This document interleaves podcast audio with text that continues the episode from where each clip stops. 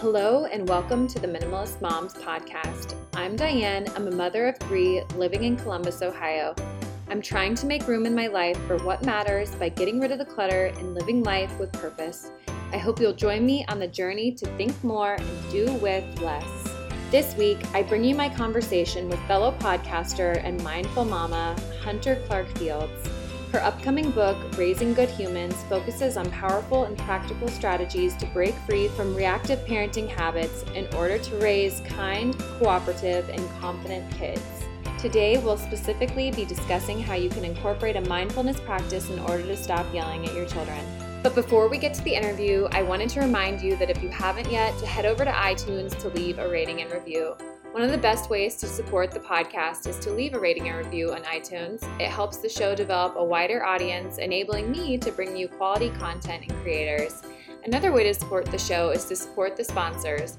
I choose sponsors carefully and try to be as intentional as possible when it comes to what will be the most realistic in a minimalist pursuit. I really believe in the companies I choose to work with, so check them out and see if their product would be something that fits into your lifestyle. As I continue to work with more sponsors, know that they help make the Minimalist Moms podcast possible. Lastly, if you haven't shared the podcast with a friend, I would love that. Let's help others discover how freeing it can be to live life with purpose and to do more with less. And now for my interview with Hunter. Hi, Hunter. Thanks for joining me this morning. I'm so glad to be here, Diane. Thank you. Absolutely. I'm really excited for this episode because I myself struggle with yelling. So I'm really looking forward to the tips that you'll have for us today.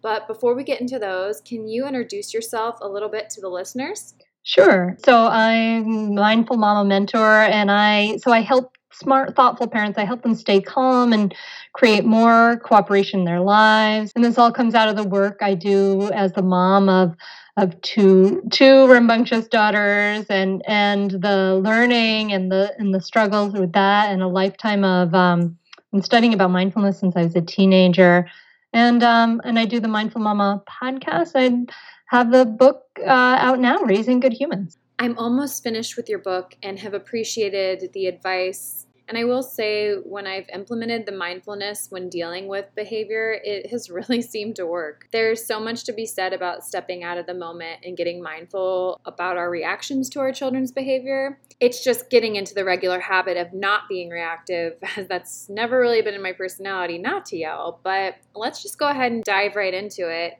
how can we take steps not to yell at our children? Uh, first, I want to kind of underscore this piece of like, let's offer ourselves a little compassion because no one wakes up in the morning and is like, hmm, I think at four o'clock today I'm going to yell at my kid. I think that's a great idea. You know, this isn't something we choose. It's not something that we're consciously choosing. And we, so we can lay off some of the shame and the blame on ourselves because what's happening in the brain is that your nervous system is seeing your child as a threat so the nervous system is going into that fight, flight, or freeze response, and that's all uh, centered in the lower part of the brain, the the sort of reptilian brain. Sometimes people call it the earliest evolved parts of the brain. And what happens when that stress response is triggered is that it's literally cutting off access. It's bypassing the other parts of the brain, the prefrontal cortex, where your your logic, your creativity, your empathy, your verbal ability, all of that good higher order thinking stuff, it just bypasses all of that. So you can just react, right? So having this understanding about the brain is really helpful and having this understanding that it's not really a choice that we're making this is just part of our bio- biology you know we evolved and we're wired to react why the I want to talk about this and kind of the laying off the blame and the shame. That really is a foundational step because it helps us to grow and to learn when we can just be a little kinder and a little softer, give ourselves a softer landing, give ourselves some kindness when we inevitably are human and mess up, because I still sometimes yell at my kids. This is all about reducing that, right? When we give ourselves that softer landing, it allows us to like grow and change a little bit more. So that's kind of our, our sort of foundation for that. And then to work with the nervous system and to work with our tendency to yell, um, there's there's many different sort of ways that we can kind of work with this, but really we want to think about this piece of that in the brain, what we practice grows stronger. So what we practice grows stronger. And so you might have practiced or been like the subject of yelling when you were in your childhood, right? And so you have some sort of practice in this reactiveness. Um, and that's just the way it is. So now we want to practice something new. And the thing about that something new is that the mindfulness tools and tips I give, it's like we're building a muscle, right? We're kind of we're trying to build a muscle of non-reactivity. And just like you wouldn't send your kid into the the Little League World Series without ever going to a practice. Mm-hmm. you know, what am I doing? How do I swing this bat? We can't. We can't also like go into those stressful moments, the equivalent of the Little League World Series of parenting, when our our kids losing it and it's all getting tight and and expect ourselves to just respond as perfectly as we'd like to respond because we haven't built that muscle. So it really matters that we take some time on a regular basis to help ourselves practice non reactivity, to help ourselves slow down, to slow down our stress response, look at our overall stress in our lives, and then even take a time where we're consciously practicing to be peaceful, to calm ourselves. And it can be just as little as one to three minutes. We're just sitting quietly or walking quietly and just breathing and calming ourselves. And then uh, when we get into those moments, we're more likely because to respond the way we want to because we've built a little bit of that muscle. So does that make sense? I think it just always seems really daunting for me personally because I've always struggled with reactivity. But then, as you said, it's a muscle. And if we're not putting the intention into building that muscle, it's going to be difficult to see our reactivity cease, I guess. And it's a bit by bit over time kind of thing. But also, what's really valuable about taking some time, as little as three minutes every day, and that's to kind of help you build up to maybe five or 10 minutes. But literally, actually, they've shown that um, over eight weeks of a mindfulness practice can literally like shrink that fight, flight, or freeze response area in the brain and literally grow your prefrontal cortex. It's really exciting. So you're actually changing the brain in those moments. There's a lot of studies that show that this really works. Yeah, and like you said in your book, if we are not taking care of ourselves, we are much more likely to be coming from a reactive state. I'm really in a season right now where it has been more difficult than I'm used to, and I haven't been taking care of myself, and I've put myself on the back burner. So it makes sense that I'm seeing red sometimes when my children are misbehaving. Does that make sense?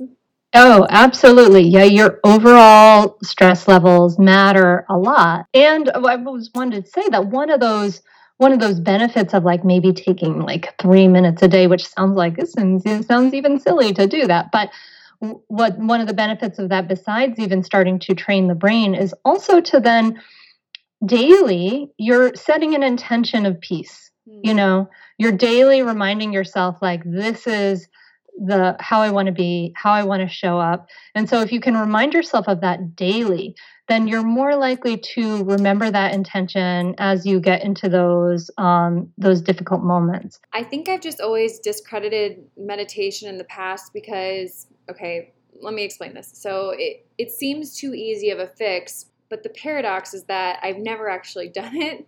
So therefore, maybe it's harder than I think.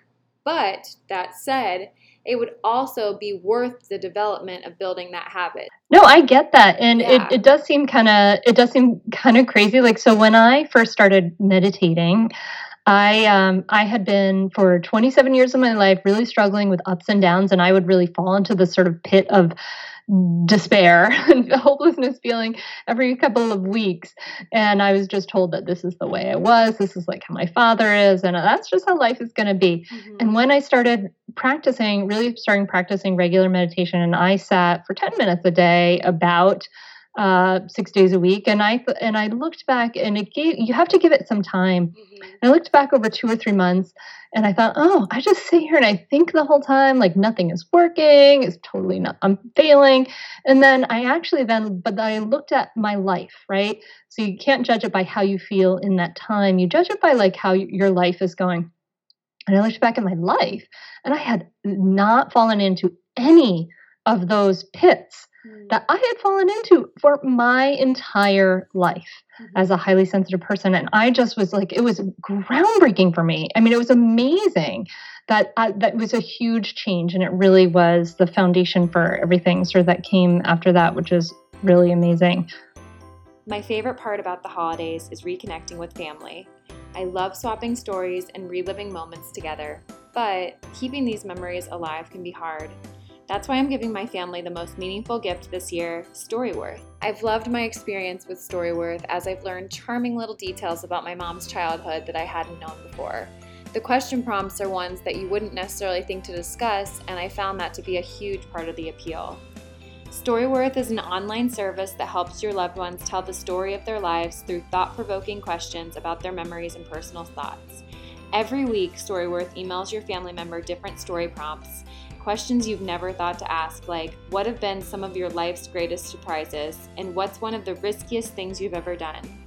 After one year, Storyworth will compile every answered question and photo you choose to include into a beautiful keepsake book that's shipped for free. You never know what family history Storyworth will uncover. I found out that my mom and her older sister used to sneak downstairs on the weekends after their parents had gone to bed, and they'd play cards while eating bowls of cereal. Funny that I too find myself eating cereal in the middle of the night from time to time. Preserve and pass on memories with Storyworth, the most meaningful gift for your family. Sign up today by going to storyworth.com slash minimalist. You'll get $20 off your first purchase. That's storyworth.com slash minimalist for $20 off. So tell me more about your process and how you were able to mindfully step away from yelling.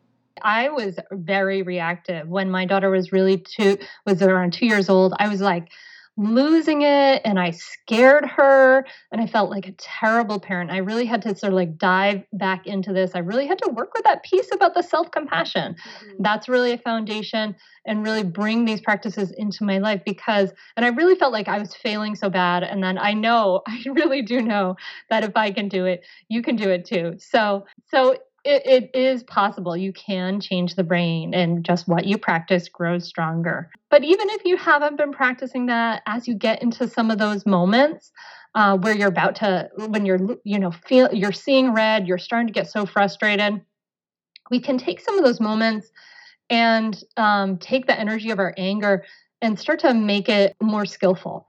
So one of the things we can do in that moment and is a really positive, skillful step in that moment is to start to just switch to saying, I feel so angry.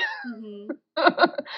and just that changing changing to I feel so angry is what you're doing is you're acknowledging that anger for yourself and you're not saying you this you that. You're you're taking responsibility for yourself for your anger right? Mm-hmm. and if you can as we can start to kind of move to some of those moments like start to take tiny steps in that in that right direction it really can um, can help enormously. And likewise like if you're in a moment like that, you know, I'm encouraging you to definitely say, like, I feel so angry rather than you are a horrible child who can't listen to me. Mm-hmm.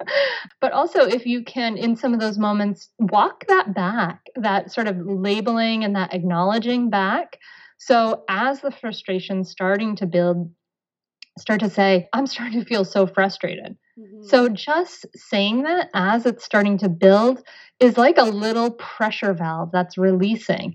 And what you're doing is you're acknowledging what's happening in yourself and you're releasing a little bit of that pressure and you're also like you're bringing that verbal part of the brain back online which is in that prefrontal cortex and as you do that sometimes sometimes if you're lucky you can work with yourself and start to say okay this is a sign i've had to say this that i need to take some time to take some deep slow breaths to calm down my reactivity because i'm getting into this you know reactive uh you know cave mom kind of mode mm-hmm. um and so so as if we can start to then label for ourselves what we're feeling and then label it earlier down on in the cycle that really helps enormously too so you've mentioned meditation being a big help in changing your behaviors but was there something else that helped your reactivity and decreasing the amount that you were yelling at your children Yeah, I mean, so one of the things that I I teach in my in my membership and one of the things we work with is the work of kind of just looking at my own parenting, right? So that awareness really helps because you can't change what you don't know about. And I offer and I went through myself a series of questions trying to understand myself and and what are some of these things that are triggering me and why do they trigger me? Mm-hmm. and i really had to understand my daughter was having these like big upset feelings. To me like it was this feeling this visceral feeling of like this is unacceptable. I can't stand this right? I can't stand it. Mm-hmm. and that was because um, when i was a kid and i had those big upset feelings my mostly my dad i love him I love him now, but we had some really tumultuous times. But anyway, he he would respond by yelling and scaring me, and he had a, a big rage, a big temper. Mm-hmm. And so then I really got that message that that was unacceptable. And then then my daughter had those feelings, and I had that same rage come out. I could really see that generational pattern. So just seeing that uh, pattern and understanding why some things trigger me and then you know that's kind of at that bigger level but even further like oh this feeling of you know i'm telling myself the the thought in my head is she's not listening to me and this and i had to dig deeper into it. And so starting to understand what are the thoughts what are the stories we're telling ourselves about this moment? Are we telling ourselves that our kids are manipulating us? Are we telling ourselves they're not listening they should be respectful. Um, some of these stories can really lead us to being more reactive whereas if then we can say okay well instead we do kids do things just as adults do to meet certain needs. Mm-hmm. so what are they what what's going on for my kid right now what's going on for me right now. Or even just reflectively what happened what was going on for her right now? What do you think she was what do i think she was needing? And what was i needing? And starting to kind of take that even the inner language of like judgment out of it can help us to to kind of like lower our lower reactivity about those moments and be in the, develop that awareness and understanding that we need to to make connection rather than to be two fists facing each other. Yeah, and you say in your book, I have it right here, you say anger is often called a secondary or iceberg emotion because underneath it is often a host of other feelings that are driving it fear, sadness, embarrassment, rejection, criticism, stress, exhaustion, irritation, and more. And I know you discussed how your dynamic with your father put you in this pattern in your own parenting. And for me, I feel as though one one big trigger is when my house isn't at least somewhat put together. So I'm trying to dig deeper into that and I feel like there's a perfectionist mentality under that. So for example, when my son mm-hmm. throws his food on the floor, he is messing up the perfection that I'm trying to cultivate in my dining room. And that sounds really silly when I say it out loud, but it is helpful to give him more grace in those moments to say, like, he's just a little boy, like, he's learning.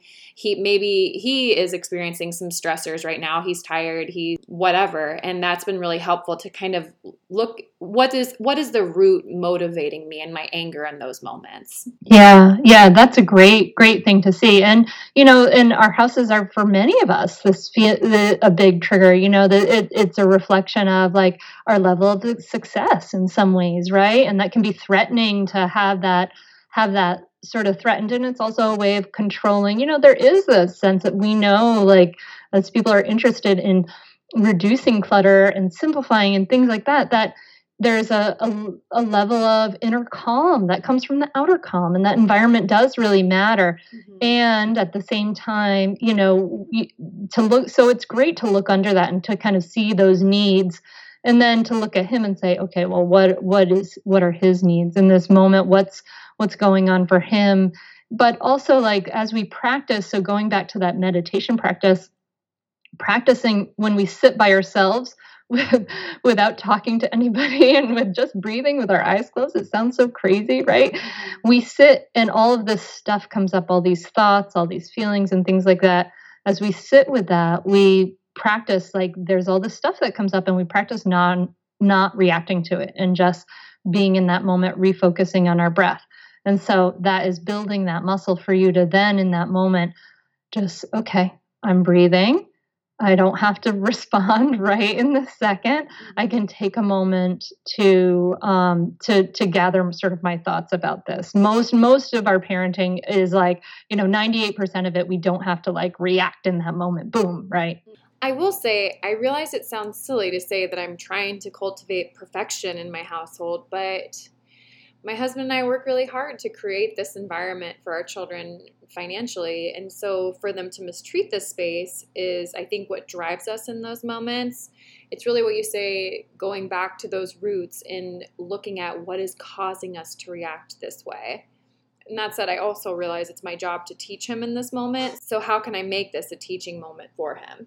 Yeah, yeah, exactly. So, we, you know, in the book, we talk about connect and then correct, right? So, mm-hmm. So yeah, we're kind of like these coaches teaching them how to live life. Our modeling is the best parenting we can possibly do. Mm-hmm. So, your model of taking care of your home and treating your things with respect will eventually you know eventually come through it depends on depends of course on how old they are yeah absolutely another thing that i highlighted that i actually ended up reading to my husband out loud was this you said in your book think about this what's at the root of your fear when you've discovered that your child has lied again most likely you fear that your child will always be this way destroying your relationship forever and ruining her chances of a successful and happy life.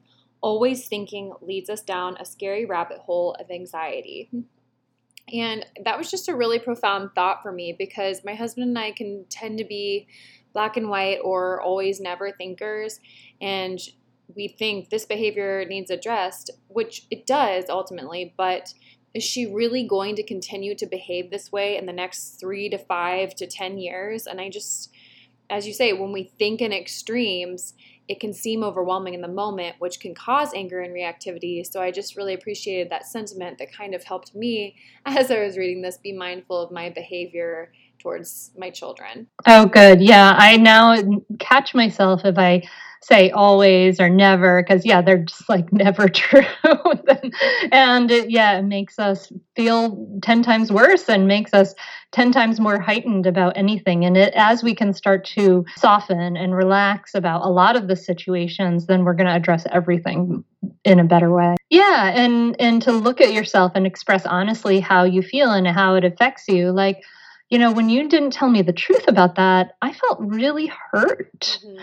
And it's hard for me to believe you after that when you tell me other things. Mm-hmm. And so when we can be real and authentic with our kids, that's when they can really they really can connect with us and they can have some empathy for us and it's been really interesting exploring this because you know kids as young as two can have empathy we think of them as very selfish creatures but they can have empathy it's really amazing to see I've honestly seen my two year old son show empathy towards me when I've communicated to him in that way. So I definitely agree with that.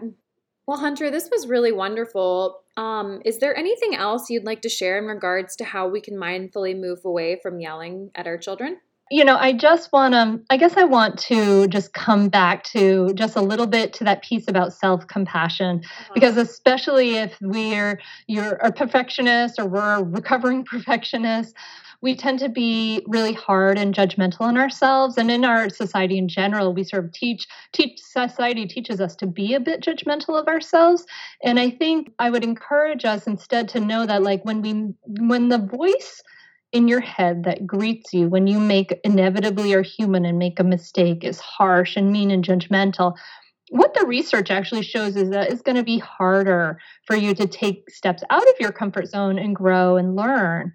But if you practice, honestly practice like greeting yourself with a kind voice, you know, as you might talk to a good friend, um, there is research on this um, that actually shows that you'll be more likely to grow and learn because the truth is we're going to make inevitably make mistakes we're going to inevitably yell sometimes mm-hmm. and then when we do if we can instead greet ourselves with a voice that says oh this is a hard moment, maybe touching a hand to the heart. You, you know, parenting brings up so much. This is tough. You're doing what you can. It wasn't a great moment, but ugh, we can begin again, right? If you can greet yourself with that, then you know it, it it softens things and it makes it so that you are much more likely to grow and learn and try again. So I really encourage people to come back to that that practice of reminding yourself that you're you're doing your best, you know, that you giving yourself some compassion and um, and also reminding yourself that you're not alone. Like, don't tell yourself that parents like Hunter never yell because I do still sometimes, mm-hmm. and we all make mistakes. It's fr- it's really hard. So so coming back to that self compassion. Well, I hope that every mom listening remembers that sentiment and implements more self compassion this week when parenting. And Hunter, as we wrap up here, I want to ask you something that I ask every guest. What is something that you are simplifying right now, aka what is your minimalist moment of the week? Mm, I am really needing to simplify my files and my drawers in my office.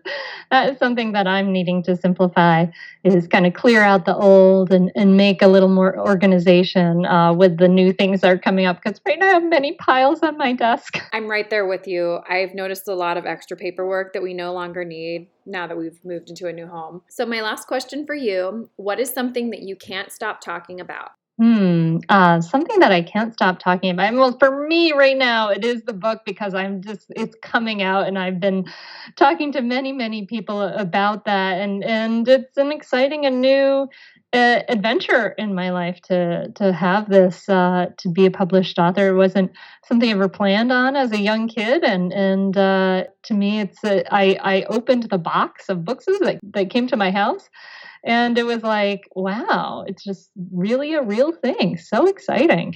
Such a joyous moment. I actually saw that moment that you shared on your Instagram, and I'm sure it was just a wonderful moment, especially that your daughter was there with you. Speaking of Instagram, where can people find you online and buy your new book? Sure. Everything is at mindfulmamamentor.com. So, mindfulmamamentor.com. We keep it simple. Well, this was great. Thank you, and have a great rest of your day. Thank you so much, Diane. What did you think of the interview with Hunter?